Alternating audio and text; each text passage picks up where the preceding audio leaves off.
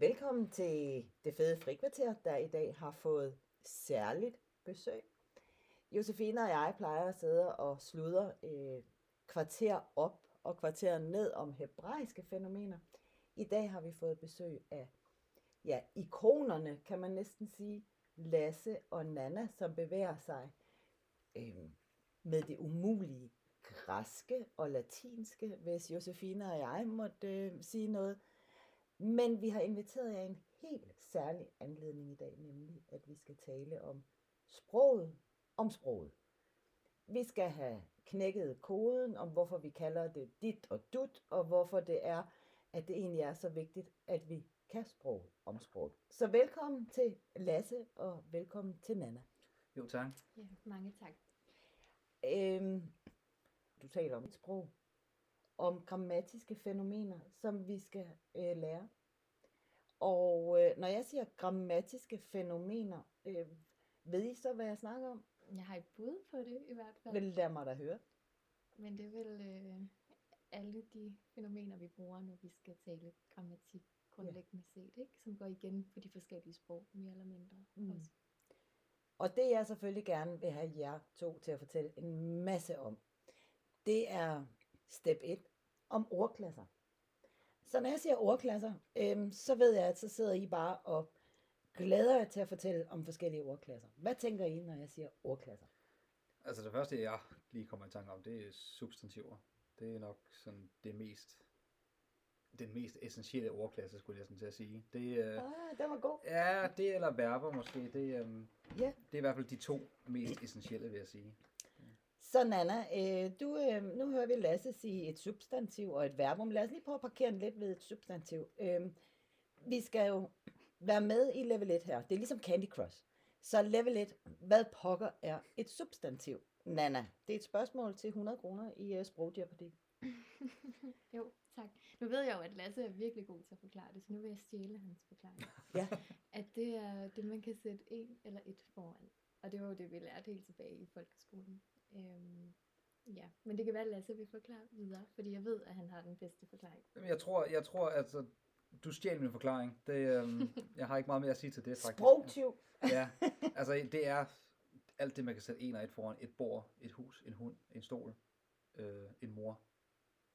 Alle de der ord, man kan sætte en og et foran. Det er i hvert fald den bedste måde, jeg kan forklare det på. Jeg tror altså, nu har Nana stjålet det fra mig. Øh, hvor våger du? Men jeg tror, jeg har stjålet det, jeg tror, jeg har stjålet det fra mange forskellige, altså mange undervisere, der, der, der også forklarer det på samme måde. Ikke? Altså alt det, man kan sætte en og et foran. Mm. Og allerede der røg jeg i problemer, fordi jeg kommer fra Sønder Stenderup, der ligger lidt syd for Kolding, på grænsen mellem øh, Sønderjylland og Midtjylland.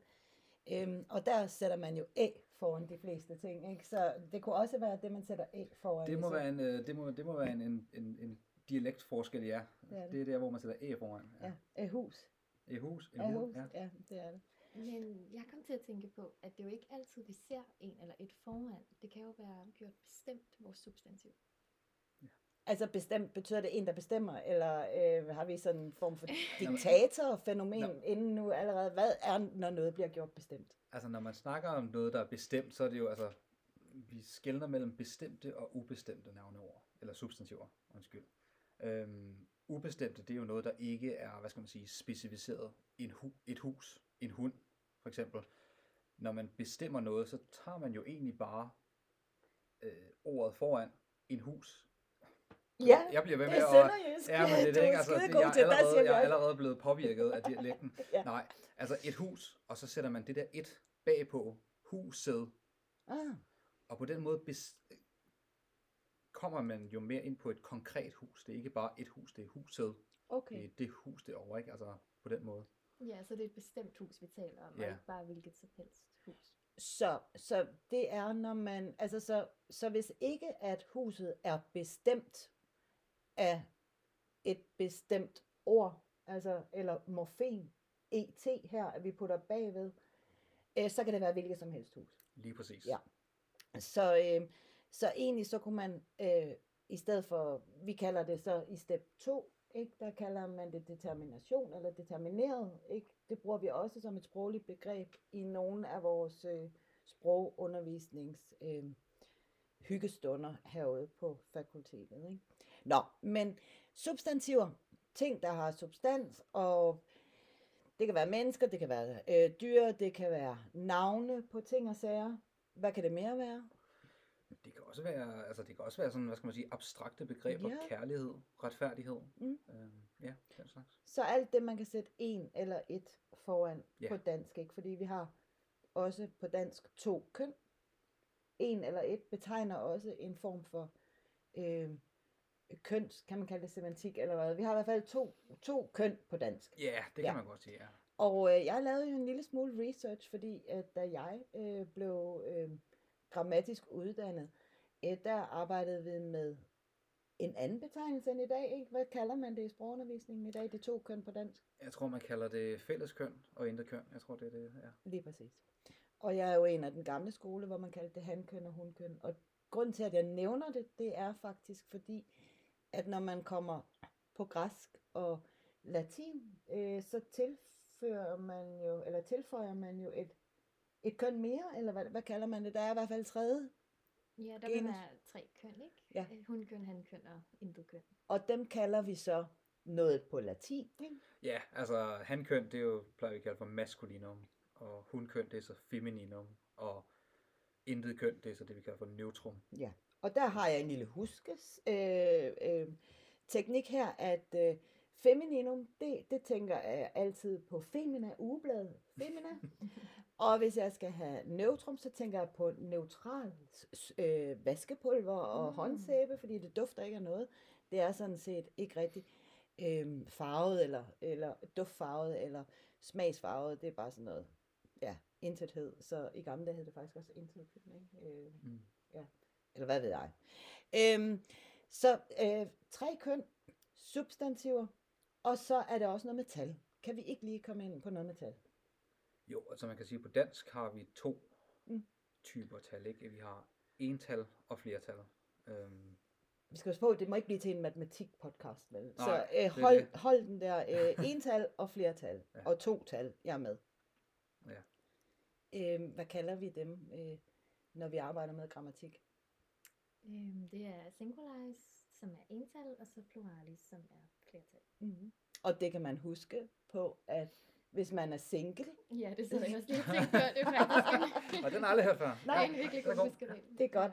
Så vi har single er øh, huskereglen på singularis, og pluralis må jo så være sådan en form for en Tinder-kategori eller et eller andet. Ikke? Hvis man gerne vil gå fra at være singularis til pluralis, så kan man bare hoppe på Tinder. Ja, Ja. ja, lad os bruge den huskeregel. Ja, den, lad os øh, den Ja, taler lad os gå til med de den, ja. Så nu er vi styr på det. Øhm, er der mere, vi skal sige om øh, substantiverne? Vi er gået fra navneord til, hvad de er, og hvordan man øh, bestemmer dem, og øh, beskriver dem. Vi er gået været smut i matematikkens verden, og været på App Store også. Gået fra at være single til ikke at være single. Er der noget, vi mangler at sige om det? Nej. Nej, ikke jeg lige Nej, kan jeg tror det heller ikke. Altså det bliver interessant igen, når vi skal til at tale om de her syntaktiske analyser. Syntaktisk analyse, men, øh, Dana, du slår os ja, ihjel. altså, altså, det- hvad er en syntaktisk analyse? Du kunne lige så vel have bedt os om opskriften på natriumklorids øh, kemiske sammensætning af atomer, eller hvad det nu hedder. Syntaktisk analyse. Du kaster rundt med begreber. Hvad er det? Men måske det også, jeg ved ikke om det er for tidligt, men det er måske meget godt at komme med en lille teaser på det nu allerede, og så kan vi tale videre om det, når vi når længere Lad os høre. på rejsen. Lad os høre dit guldkorn. Hvad er en syntaktisk analyse? Men det var det, vi lærte i folkeskolen, når vi sætter kryds og bolle. Altså grundled, og, som er subjektet. Øhm, det er det, vi kalder krydset. Og så verbalet, som også hedder udsalgsled. Mhm. Mm-hmm. Øhm, og det er så bolden, vi sætter, vi sætter under verberne. Og man kan sige, hvad et substantiv er, bliver interessant der, fordi at det vil højst sandsynligt være subjektet, øh, eller et direkte objekt. Øh, Uh, bliver ved, Og nu bliver det- bliver nu ved, bliver det bliver ved. Direkte nu. ja. Øhm, men i hvert fald, så vi skal bruge det senere. Så på den måde er det sådan rimelig grundlæggende at kende til de her forskellige ordklasser, fordi at det sprog, man lærer der, kommer man til at bruge senere, når man bevæger sig længere ind i grammatikken. Så hvis man stod af her og tænkte, at kryds og bolle, det er det der sjove spil, der handler om at få tre på stribe, øh, og blev helt øh, overrasket over, at øh, det også kan bruges i en syntaktisk analyse, det fine ord, som Nana kaster på allerede her på level 1, så vær ikke bange. Frygt ikke, vi vender tilbage til det. Fordi øhm, der er jo en grund til, at vi skal snakke om de her ting. Øhm, og en af grundene er jo, at vi skal kunne finde ud af, hvem er det, der gør hvad, og ved hvem, og hvorhenne, og så videre. Det er det, vi kan bruge den syntaktiske analyse, du taler om, Nana. Ja, Så først skal vi have fundet ud af, øh, hvem er hvem, og hvad er hvad, for at vi kan øh, lave de her spændende, spændende analyser på, øh, med et sprog. Vi kan måske lige kort nå at vende en ordklasse mere, og jeg, og jeg synes faktisk, at øh, det gik rigtig godt med, at jeg lod jer bestemme den første, øh, sådan vi kunne snakke i virkelig lang tid om substantiver. Så nu vil jeg lægge op til jer og sige, øh, hvis jeg siger øh, udsagnsord, verber, at I så skal gøre det kort, præcist og lækkert. Hvad siger I til den udfordring? Det er en svær udfordring, Ja. tror jeg, men øh, jeg vil da gøre øh, mit bedste. Altså, nu tror jeg, jeg kom til at afsløre før, at, substantiver og verber er det mest essentielle, tror jeg, Ja. ja. af ordklasserne. Det er i hvert fald dem, der optræder næsten altid i alle sætninger, jeg tror. I alle sætninger, man ser i aviser, eller når man taler eller noget, vil der altid være et substantiv eller et verbum. Men det er vel også fordi, at det er, sådan, er det bærende for, at der overhovedet kan være tale om en sætning. Lige så? præcis, ikke? Altså, der, der skal altid være, øh, ja, det kan vi i hvert fald snakke om lidt senere, også når vi kommer tilbage til syntaksen, ikke? men der skal altid være en, der handler, og der skal altid være noget, der bliver gjort, ikke? altså en handling. Og øh, når vi i hvert fald snakker om verber, eller udsagnsord, som, de, som altså den danske betegnelse, så er det netop handlinger. Altså det, når vi, altså nu kommer jeg med den her øh, huskregel før med, at substantiver, det er det, man kan sætte en og et foran. Verber, det er det, man kan sætte at foran. At gøre, at løbe, at huske. Mm. Øh, sådan set handlinger, der kan ske. Ikke? Altså, øh, alt det, man kan sætte at foran, det er sådan set et verbum. Øh, øh, og verbum, øh, er der nogen af, af jer, der ved, hvad verbum betyder? Ja, det er lidt hvad. Det, Det, ja. betyder, det betyder ord. Nå, hvordan, øhm, hvorfor bruger man så det Ja, ord om men, ja, verbum? men det har jeg ingen anelse om faktisk, men det er også noget, jeg selv har tænkt over. Hvorfor er det ikke? Altså fordi, at når, når man endelig støder på det, hvis man læser latin, ikke verbum, og så det betyder ord, hvorfor, så er der jo også altid nogen, der spørger, hvorfor betyder det ikke udsagnsord, ikke? Ja. Altså det, øhm, men øhm, Eller, eller en, en, en handling at gøre noget, for eksempel, eller et andet, ikke? Altså, ja. Ja, men, men det kan vi altid komme tilbage til, øhm, fordi nogle af de ting skal vi bruge, når vi skal snakke om øh, øh, modulering af, af verber. Når vi skal over i modellervoksafdelingen, ikke, hvor det er, at vi begynder at lave om på verberne, der er der faktisk en, en smule, en, eller, eller mange flere fænomener, vi skal ud og snakke om, og mange flere begreber. mhm. Men lige for nu, der er det med, at et verbum er det, vi putter at foran, og så øh, kan jeg opsummerende sige, at I to siger, at det er det bærende for en sætning, at vi har en eller andet, altså substantivet, øh, som gør noget. Når vi har de to ting, så kan vi snakke om, så har vi en sætning, så har vi en baby. Altså man kan selvfølgelig undskyld, altid sige men der, for det kan jo også være et, et stedord, altså et pronomen, som hun spiser.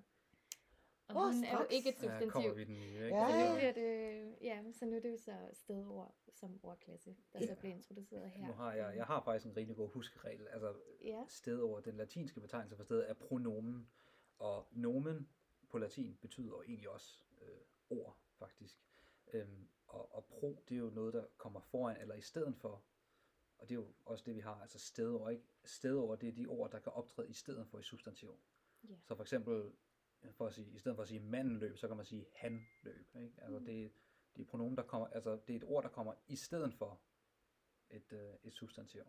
Så i stedet for stedord har vi nu introduceret i stedord, i stedet for ord, og øh, hopper øh, den videre over til øh, pronomener og putter dem i samme gruppe som substantiver.